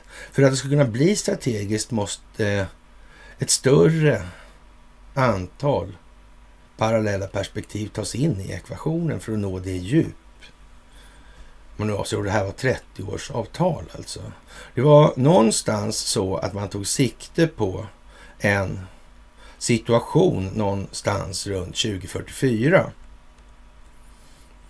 När man träffade det här avtalet 2014. Då hade planeringen för den ryska utvecklingen och var Ryssland skulle befinna sig. Då hade man alltså vägt av, det här, nivellerat. Det här är ett bra utfall för båda parter. Ja. Jag tycker det verkar jättekonstigt det här som svenska tidningar håller på med i det här fallet till exempel. Om Kina går från att vara, som man själv beskriver neutralt till att, bli, ja, till att börja pressa Ryssland. Eh, nu är inte jag liksom riktigt säker på att den neutrala eh, hållningen behöver väl inte nödvändigtvis gälla alla andra. Det är väl ingen, sagt att, ingen, ingen som säger liksom att om man blir utsatt i en konflikt att man inte ger så att säga svar på tal. Bara för att man är neutral. Varför skulle Sverige då, om man nu leker med tanken om, om att vi var neutral demokrati och det andra jävla skitsnacket. Men om man då tänker med det så blir vi påhoppade. Ska vi be om lov då någonstans? Nej, vi är inte neutrala. Vi avneutraliserar oss nu alltså och, och blir krigiska. Alltså. Vi kommer militäriskt med krigiska ögonbryn, men helt jämt kaljäriskt. För det är självklart att revyn som speglar tidens ansikte nu även gör och även gör honör. Alltså, det där var en jävla konstig strof. Alltså, jag vet, alltså, så här, ändå, om man tänker så här, vad är det för någonting han säger här egentligen? Och järnkors med HJ, det där ska vi inte tala om. Eh. Krigiska ögonbryn, ja. Mm. Det är självklart att det är revyn, det är teater alltså, revyn, ja. ja, ja, ja. Speglar tidens ansikte nu även gör honör. Nej, det var tvärtom. Va? Men det är konstigt det där. Hur var det där egentligen? Mm. Kände han någon sån här uh, polischef? Eller? Nej. Haijby, känner han till det? Mm. Kanske det. Kanske det, ja. Mm. mm. Var lite märkligt gäng det där alltså. Keynes-affären. Rättsröta-affärerna. Ja. Ja, det här är väldigt konstigt alltså. Väldigt, väldigt, väldigt konstigt är det. Och eh, att Ukraina inte vill mötas vid förhandlingsbordet har att göra med att de har medvind i kriget, tycker man här. Ja, det vet ju inte jag om man kan säga, men, men eh, säger de det här så får man ju ta dem på orden. Det är ju svensk media. gubevars. alltså. Ja. Och, och det är DI, ja. Är det samma på något vis som Expressen? Nej, jag vet inte vem det är som äger dem där. Så det... Nej. Ja, det kan ju vara så kanske. Möjligen i alla fall. Mm.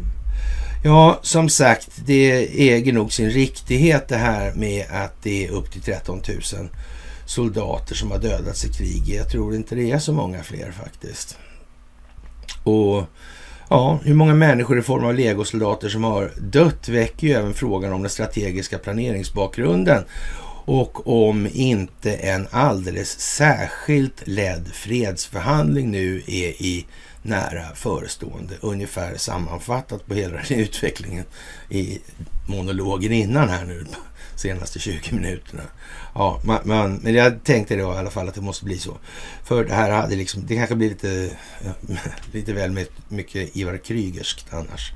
Ja, så, men jag, det har jag chansat på förr och det, det kan jag lika bra Det har den här lilla tiden nu så det är inte hela världen. Jaha, och det handlar som sagt om eh, Sullivan Cromwell där och... Mm, ja, Josef Tsai. Konstigt det där hur det var. Allting som var. Hundra år av skapandet av makt och välstånd, ja. Mm. Som sagt, 1947 så sa Marcus Wallenberg eh, nej till Harry Trumans erbjudande om att hjälpa till att lokalisera Raoul Wallenberg med ja, en, ja, vad ska vi säga, avfärdande kommentar som, nej, han är nog redan död nu. Alltså, han är sannolikt död. Alltså. Mm. Vad sa Stalin om det där? Han sa att de där dokumenten lämnar vi inte ut för de ska vi ha och använda för att utpressa de som har samarbetat med nazisterna sedan långt före 1938. Mm. Så var det också. Vad konstigt allting blev så här. Någon vävde ihop det hit. Ja, och någon annan såg någon annan väva som såg någon annan väva. Som såg någon annan väva väven av beskrivningen av verkligheten. Mm. Ja. Det är ju jättemärkligt det där, måste jag säga. Och eh, Carlson Karlsson som har en svensk eh, namne förtida då. Och eh, ja, han hänger upp sig mycket på Sverige med Nobelpriser och nobla priser. Ja, kanske det slutar med att Nobelpriset är inte kanske ett så nobelt pris, mer, mer kanske eh, ett pris ägnat att legitimera pristagarens utsaga om, eller utsagor om någonting som verkar gynnande för den djupa statens intressen. Kan det vara så? Världens finaste pris mm, är egentligen bara ett jävla bluff. Jaha. Men då skulle ju någon ha sagt att det finns ju inga... Jag menar, det vet ju alla liksom att genusvetenskapen är ju liksom jättebra. Mm. ursäkta mig. Mm. Konstigt va? Jag vet inte var det där ska ta vägen här. Och hon Jennifer Granholm där. Mm. Inte hon är energiminister på något vis? Jag tror det va? Hon har någon sån där kärnavfallssäkerhetsansvarig underminister eller motsvarande. Mm. Det är en där ja, jättemärklig figur alltså. Mm. Han som själv dyra resväskor med damkläder. Mm. Ja, det verkar tillrådligt. Ingen säkerhetsrisk i det där inte. Det amerikanska energinätet, det är inte speciellt. Kärnkraft är ingenting viktigt sådär alltså. Nej. Uranium one liksom. Ja, ja, ja, ja, ja, ja. Mm. Maud Olofsson som sagt var och Nuon-affärerna. Det var ju konstigt allt det där. Men frågan är vad det var egentligen alltså. Så här dags. Och ja, enligt rättshandlingar ska brottet ha skett i Göteborg. Det gäller alltså åklagare som utreder grovt valfusk i Göteborg. Är inte det konstigt? Just nu också, i september här alltså.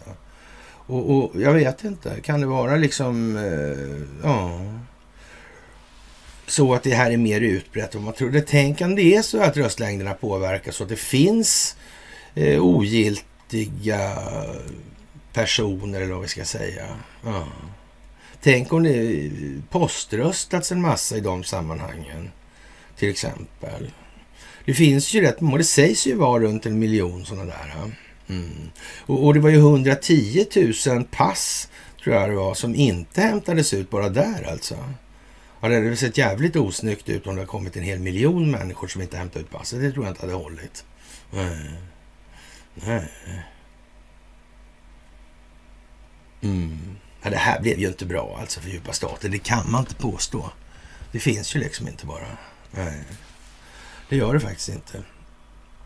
Jaha, och eh, ja, Sergej Lavrov han eh, säger att Europa bygger säkerhet inte vid Ryssland utan emot Ryssland.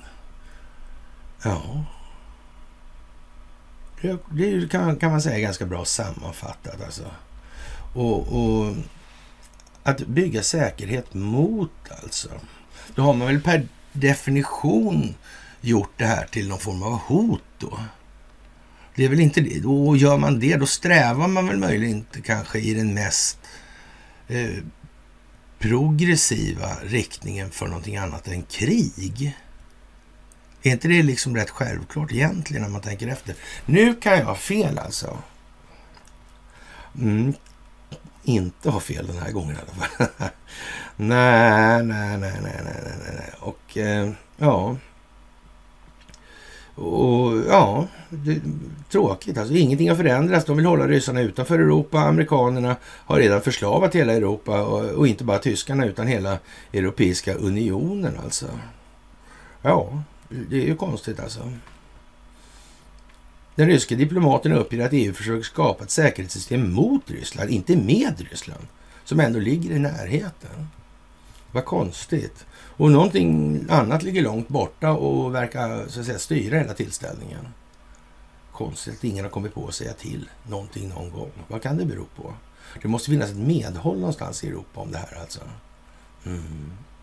Vad kan det vara för intressen som håller med om den saken då? Och varför? Mm. ja, man kan säga så här, det måste ju finnas två parter i alla fall för att det ska bli en konflikt. Mm. Och härska inom söndringen vad det är då. Mm. Sen är det bara att klä det här i lite mer dolda former. Det kan inte vara med lika mycket ja, kinetisk militärverksamhet. De kommer fatta förr eller senare. Vad är det vi krigar om? Till slut alla glömt bort varför de krigar. Och, och, och det visar sig egentligen inte, det fanns aldrig något att kriga om. Ja, så kan man inte ha det. Nej, det går inte. Det går inte helt enkelt. Ja, eh, som sagt, eh, ja, man måste nog faktiskt börja inse att någon måste ju ha tänkt på det här för länge, länge, länge, länge sedan alltså. Det, annars hade det ju inte gått. Liksom. Varför svänga sig med så här? Det, menar, folk visste ju inte vad någonting var i, i sådana här sammanhang. Liksom strategisk planering och strategiska partners och eh, rollen för ett vapensystem, ett strategiskt vapensystem också. Liksom, och, och vad är liksom den långsiktiga utvecklingsplanen och så vidare. Mm. Alltså det är ju inte, och, och, så talar man ju om det, men det är 30 år på det här. Och vi har 30 års avtal på gasleveranser och, och betalningar, det har vi så här. Och, men vi kan kriga mot varandra samtidigt. Och så låter vi gasbolag och banker och sådär sköta det här. Eller hur fan menar de då? Nej. Så då. Och en ny röksten har dykt upp i flödet och den försvunna vikingestaden är naturligtvis, det här handlar någonstans om, ja, eh, inte Östra Husby höll jag säga, men, men och ja, Västra Husby snarare då. Mm, det här är på Vikbolandet då. Och det är ju Ja, kanske inte västra ligger inte, för jag är där, jag, inte, jag vet inte, kommer inte ihåg om jag varit eller inte. Men det, här, det är trakterna kring Stegeborg i alla fall. Och, och nu har eh, Rökstena faktiskt eh, börjat liksom sy ihop det här jävligt bra. Och, och, jag antar att han har varit på guidade turer på Stegeborg och kan historien om Stegeborg och så vidare. Det förutsätter jag faktiskt i det här. Och, och det var ju otroligt trevligt att, att notera då att vi landade ungefär där man misstänkte att vi skulle landa. Men som sagt, det vill jag sagt till det också, den här vårdkaselinjerna också, bortifrån Kåreholm då och in genom Slätbaken.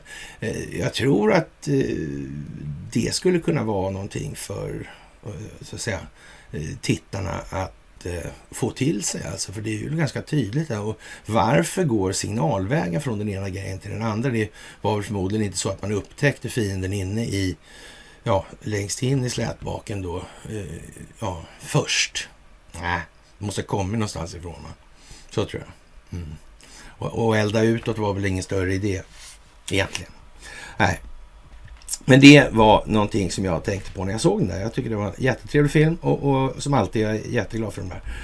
Eh, det är bra med den delen av historien för den är lite tunn så att säga. Vi kan inte bara säga att vi vet att det fanns någon som hette Anskar och sen är det inget mer liksom. Det duger inte. Man måste förstå liksom vilka händelseförlopp, vilka ekonomiska rörelser fanns det, vilka, vilka, kontakt, eller vilka kontaktnät och så vidare. Och det ska man ju tänka på. Hur kommunicerar man i de här sammanhangen? Så vad var då liksom informationsrörlighetshastigheten för någonting? Hur, hur tog det sig uttryck i övrigt alltså? Jaha, och Eh, det här med valfusket i eh, USA. Det här med att fuska med röstsedlar alltså och byta postadresser och så vidare när han kommer tillbaka och sen har man de här disponibla och, och sen upptäcker någon att de redan har röstat när de inte har röstat. Ja, och då får de inte rösta. Vad ska de göra åt det då liksom? Ja, och det här blir från någon form av eftermanöver då som ska reglera det här och där då är det ju redan för sent liksom. Mm. Och det är som vi sa från början här, alltså de har fuskat och de har alltid fuskat i och för sig, men, men ja, de eh, har alla sätt, och så har de några till sätt helt enkelt som man inte har tänkt på. För, och det här är naturligtvis när det här dyker upp i Göteborg nu så kan vi väl säga så här att kalla det för Sassman-fönster det är nog ett litet understatement alltså. Inte litet understatement alltså. Ja. Av bibliska proportioner rent utav. Det, det, kan man nog säga. Det här har uppfunnits där någonstans alltså. Mm. Och, och, jag tror att de känner till någonting om telekominfrastruktur och, och, och om eh, transmissionsverksamheten i systemet och så vidare. Mm. Ja, ja.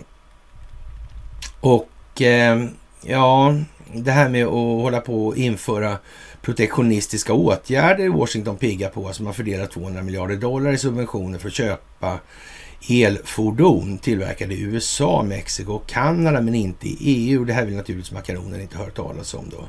Fast makaronen gör nog bara som man säger alltså. Det ska slås en spricka mellan EU och USA.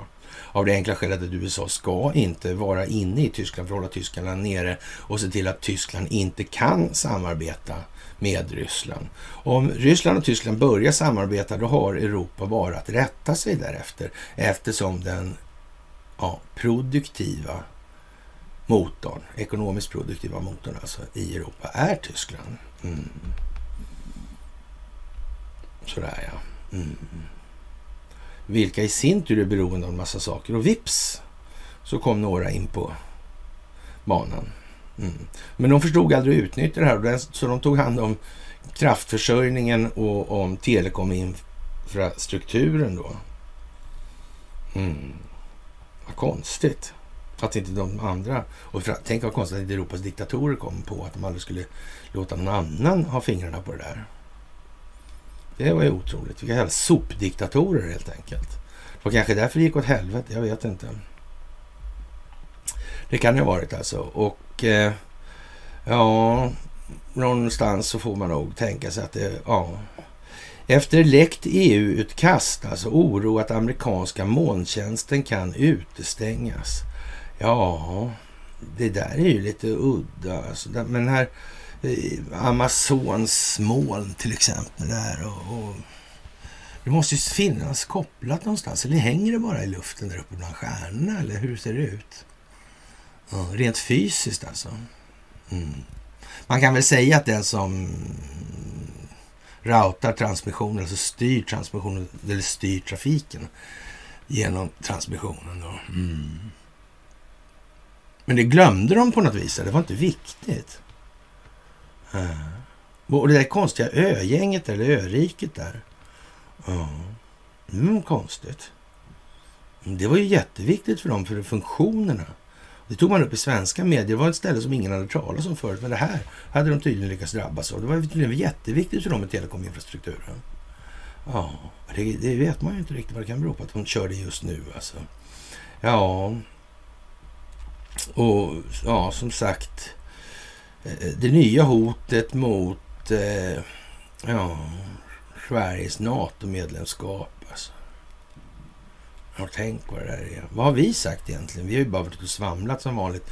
Vi sa det för så länge sedan och då tyckte alla man var helt galen. Alltså, nu undrar de hur det kommer sig att man sa det där redan då. Det är ju konstigt. Det gick ju inte att se alls. Jo, det gick att se från början. Från dag ett alltså. Vad det här skulle landa i för någonting. Mm. Så länge det här systemet kunde bli skuldmättat så skulle det ändå landa här. Mm. Handlingsfriheten för den djupa staten måste krympa med tiden. Det är ungefär som att fatta att kreditavreglering innebär att det kommer bli en större andel cirkulerande krediter i förhållande till den totala mängden cirkulerande betalningsmedel. Så det, det hör man på orden. Alltså man har inte kunnat en ekonomi för det alls. Alltså noll. Det här är lite samma sak. Alltså. Vad skulle det bli av det här från de överstatliga? Ja, ska då alla länder bara försvinna? Alla befolkningar? Ska... Ja, hur ska det vara? Man kan säga att det är lite, lite ja, någon form av infantilt försök till avkulturalisering. Mm. Och att inte låta de saker som växer bäst på vissa platser växa där främst. Mm. Ja, det där är ju lite udda alltså. Man får ta det med befolkningen eller mot befolkningen verkar det som. Om man ska hålla på med enskild vinstmaximering. Till sist är det så. Och det är inte så svårt att se faktiskt. Och eh, det här eh, bara dagar innan ett avgörande datum i patentstriden mellan Ericsson och Apple förlorar den amerikanska jätten en viktig chans till övertag alltså. Och, och det är fullt möjligt nu alltså att eh, det här presenteras då ett avtal på söndag kväll eller måndag morgon. Och ja, det här, nu är situationen vid den punkten att ja, typiskt sett gör upp. Och då är det ju märkligt då att eh, Apple, eller nu säger inte Tim Cook det längre, men, men, men tidigare hotade man med att Apple skulle sparka ut Twitter. Och, och ja, från sin App Store där och, vidare, och så vidare. Mm. Men varför, när, det här tjafset då? Varför bara liksom sparkar inte Apple ut Ericsson? Istället. Bara liksom jävla svin. Vad ska vi pröjsa det för? Liksom, vi sparkar ut det från internet. Varför blir det inte så för? Och, och det är en sån här grej som man undrade för hundra år sedan. Liksom, att, ja men vänta här, det är ju liksom... Eh, någon är ju längst ner i systemet i det här, alltså bärande, som bär upp det här. Och de andra är ju där på de villkor som den bärande parten håller i. Ja, inga andra alltså. Men jag vet inte, det där är ju kanske lite krångligt att, och liksom förstå. Och, ja, som sagt, superbyrå ska stoppa då alltså stämningen mot Ericsson i USA. Och, och jag vet inte, jag sa väl eh, till någon då att, att, att jag satt, hade på telefon då, så jag undrade vad, det, vad är det är det Perkins Coy eller är det Sullivan Cromwell? Alltså inte så jävla... Är vi så långt framme nu, alltså så är vi så nära slutet så att det är Sullivan Cromwell, då är det ta fan så att det här går fortare nu än vad man tror. Mm. Så är det. För de, alltså, det är många människor på jorden som har dator alltså. Och det kommer vara någon så, som kommer på att eh, Josef Tsai har jobbat på eh, ja, Salvan Cromwell. Någon av dem kommer undra, vad fan, vänta nu här. Eh, och, och, och han startar Alibaba, där finns Börje Ekholm. Eh, vänta, Börje Ekholm liksom, inte det Eriksson? Jo, jo, det är det ju. Mm. Han sitter alltså i Alibaba där och den där liran kommer från Salvan Cromwell. Är inte det konstigt? Den, det är inte som ingen jättestor historia, men det kan man ju räkna ut. Du behöver inte kunna någonting annat. Du behöver bara upptäcka uppgifterna så förstår du att de sitter ihop. Liksom. Mm. Så långt har vi kommit. Nu går det fortare än vad vi tror. Alltså. Och eh, ja, eh, grupptalan hävdar, att faktum, så hävdar som faktum att Ericsson har mutat IS och därför ska bolaget med stöd i lagen Justice Against Sponsors of Terrorism Act, JASTA, hållas ansvaret för amerikanska offer för IS och Al-Qaida. Men stämningsansökan har bland annat fel om Ericssons bolagsstruktur, kopierar andra stämningar, blandar ihop terroristgrupper och kommer efter att eventuella brott preskriberats, dundrar Ericssons advokater. Mm. Så därför ta, behöver de ta in då eh, Sullivan Cromwell då, under då rubriksättningen, alltså superbyrå ska stoppa stämning mot Ericsson. De här egna advokaterna, det är ju legioner med sådana där, alltså. De, de är inte skickade nog att göra det alltså. Ja. Nej, jag vet inte, det är konstigt alltså. Ja, och dessutom försöker Eriksson få den här Jasta då förklarad som oförenlig med USAs konstitution. Är inte det att sikta lite högt liksom? Ja. Att ge sig på den här då eh, ja, Jasta, alltså, då, det, alltså Justice Against Sponsors of Terrorism Act då, Jasta. Att den är inte förenlig med, med den amerikanska konstitutionen. Ja, nu ska vi tänka. Mm, vad är det där för någonting egentligen då? Mm. Tillkommet när? Skapat av vem och varför? Mm. Man får tänka ett steg till hela tiden. Vi är inte, vi är inte framme än. Det är vi inte. Mm. Vad kan komma i kölvattnet på det då, tror Hack i häl liksom. Mm. Ja, jag har ingen aning alltså. Det är 528 anhöriga som stämmer. Det var, ing, det var fan, en åtta var det i alla fall alltså. Ingen sexa och ingen trea. Nej, men det är det konstigt mint. Minnest. Minnest.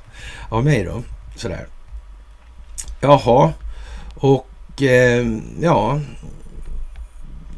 Som sagt alltså. Det är en av de eh, så kallade White Shoe-byråerna alltså. Ja. Eh, de har över hundraåriga anor och i huvudsaklig rekrytering från de bästa juristutbildningarna på Ivy League-universiteten. Sullivan Cromwells 900 advokater drog 2021 in motsvarande 18,5 miljard kronor och rankades av tidskriften The American Lawyer som en av världens mest lönsamma byråer. Oh. Jaha, enligt tidskriften tjänade en delägare i snitt över 60 miljoner dollar förra året alltså. Mm. Och Sharon Cohen Levin och Robert Giffra och David Ryan tillhör dessutom byråns absoluta elit. Vad är det man vill markera här? Vilket signalvärde, vilken värdeladdning är det man skickar på här egentligen? Ja. Ja, det där är ju lite konstigt alltså. Mm. Det är ju inte småsaker alltså. Och, och, ja, många som undrar om det är verkligen sant att det är så här uppenbart nu. Alltså att de gör på det här viset. Ja, det är sant. Där befinner vi oss. Där bestämmer datorerna att där ligger vi nu alltså. Mm. Sådär, och det är lite speciellt alltså. Det får man säga. Krypto AG kommer upp i flödet och eh, ja, det är som det är med Krypto AG och Boris Hagelin och Wallenberg Investor och skapandet av kryptografmaskinen, århundradets underrättelsetjänst kupp alltså. Mm. Man avlyssnade 150 av 150 allierade underrättelsetjänster hela tiden. Tänka sig. Ja. De har hållit på rätt länge. Att de inte sa något till alla. Ja, det var ju konstigt alltså. Ja, som sagt. Och fotbolls-EM pågår väl fortfarande? Det kanske inte gör det. Jag vet inte. Men eh, i alla fall. Och det är en usel investering för Qatar, säger André Cervenka. Mm. Ja, jag vet inte. Det kanske är det. Det kan ju vara så. Mm. Men det handlar inte om fotboll i alla fall, det kan vi konstatera. Det är helt säkert. Ja. Och så kommer det som är jättebra då. ABB betalar miljardböter för korruption i Sydafrika. Jaha. Mm. Det är konstigt just nu alltså. Mm. Det, det, är jättekonstigt tycker jag faktiskt. Och eh, för Ja, den sydafrikanska regeringspartiet ANC håller krismöte efter att en rapport från en fristående kommitté visar att president Cyril Ramaphosa mörkat ett inbrott där stora mängder pengar försvann dessutom. Alltså. Ja, det förekommer uppgifter om att presidenten informerar sin regering om att det är sista gången han träffar dem. Jaha. Mm, mm. Tidningen skriver att han väntas meddela sin avgång under torsdagskvällen i samband med ett tal till nationen. Presidenten måste lämna nu och, och svara på anklagelser, säger ministern Nkosasana. Eh, Nkosasana eh, Dlamini Zuma, som tidigare försökt att utmana eh, Ramaphosa som ANC-ledare. Mm. Tänk att det kommer samtidigt ändå. Mm. Som sagt. Ja. ja, ni förstår nu hur det är. Och eh, ja, europeisk jätterazzia i, razzia i mobilhärvan beskrivs som EUs största momsbedrägeri någonsin. Alltså. Mm. Konstigt alltså. Och det är den europeiska åklagarmyndigheten EPPO som är farten där. Ja.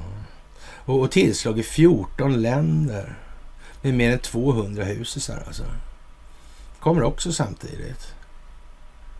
Ja, det, det känns lite som att det är lite på G faktiskt. Tycker ni inte det? Jag tycker det. Lite i alla fall. Jo, jag tycker faktiskt det. Det tycker jag. Mm. Och, och, så kan man ju tycka vad man vill också naturligtvis. Och ballongen i EU, den har inte mycket luft kvar i sig helt enkelt. Och sällan har så få gjort så många så arga så snabbt alltså. Och Tidöpartierna, ja, det skiter sig big time alltså. I den, i den meningen. Oh. Det där är ju lite lustigt. Men vad är det för någonting man gör egentligen då, tro? Alla de här grejerna som händer i omvärlden som bygger på antaganden om att det finns ingen djup stat. Det finns ingen institutionaliserad, institutionaliserad korruption. Att Robert O'Brien säger att det handlar om det svenska rättssystemet, det beror på att det svenska rättssystemet är så bra så det är föredömligt för hela världen att ta efter. De måste skaffa sig en monark av liknande kaliber. Uppbackad av världens mest märkliga eh, rättssystem där man eh, har eh, evig privatskuldsättning. Jag är inte säker på att andra länders befolkningar skulle gå med på det om jag ska vara ärlig. Faktiskt.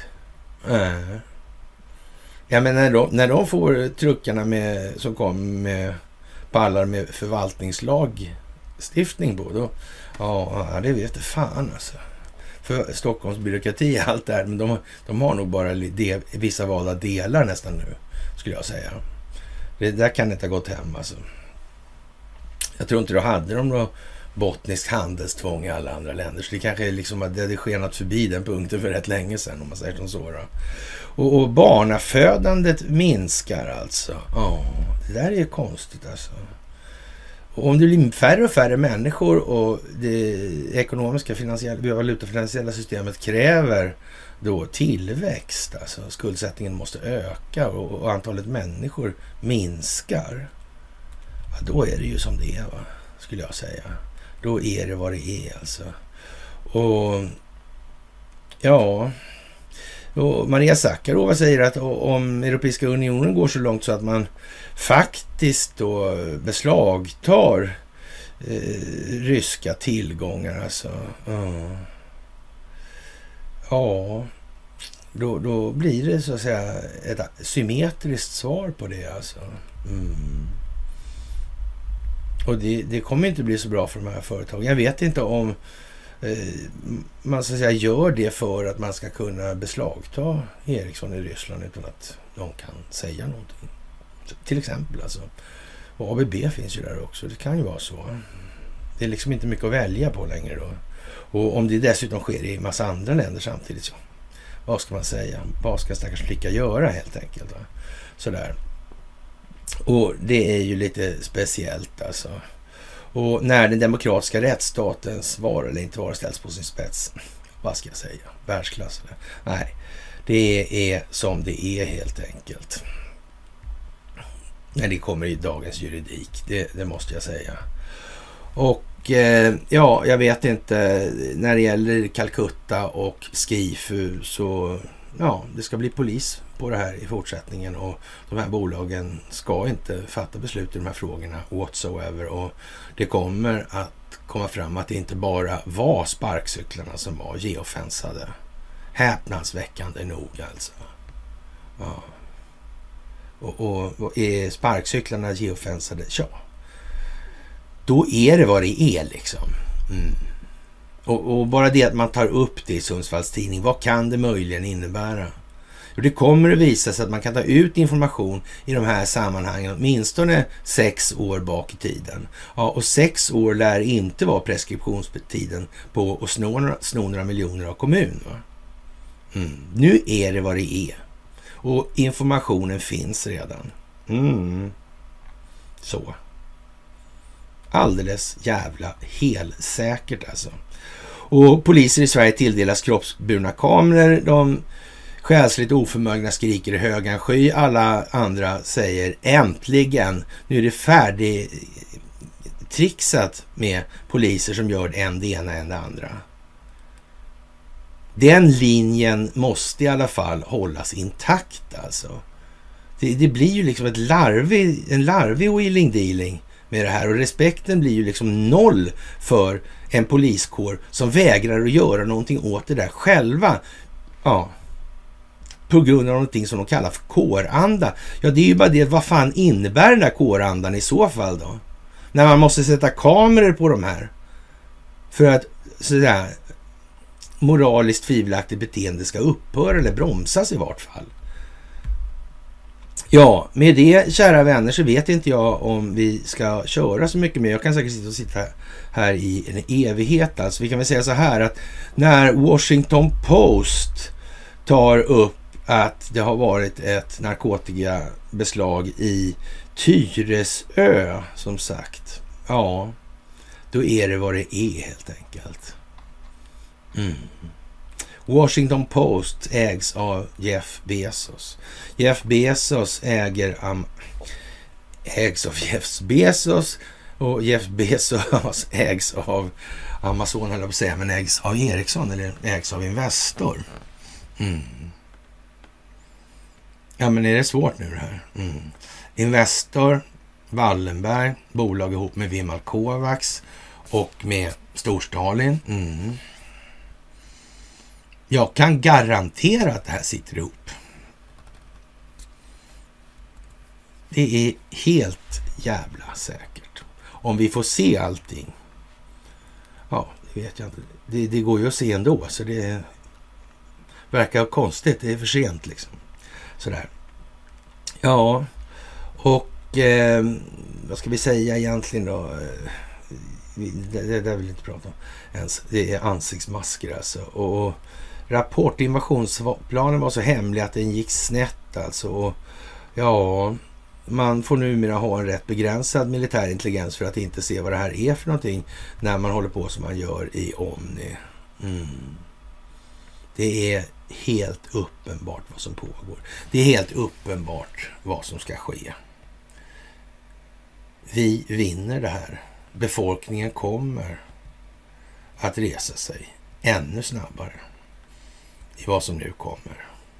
Och det går inte att göra någonting åt. Däremot kan vi göra så att det går ännu snabbare och minska tiden på det lidande som ändå måste till i form av ifrågasättande av egna känslogrunder och värderingar. Det är bara så. Med det, kära vänner, så får vi se om det blir någon mys i helgen. Men det kan väl inte uteslutas för det lär kunna hända grejer då. då. Men det återstår att se som sagt. Och jag vill väl därmed tillönska er en väldigt, väldigt, väldigt trevlig helg med en andra advent. I det här så hörs vi absolut senast måndag. Okej, hej!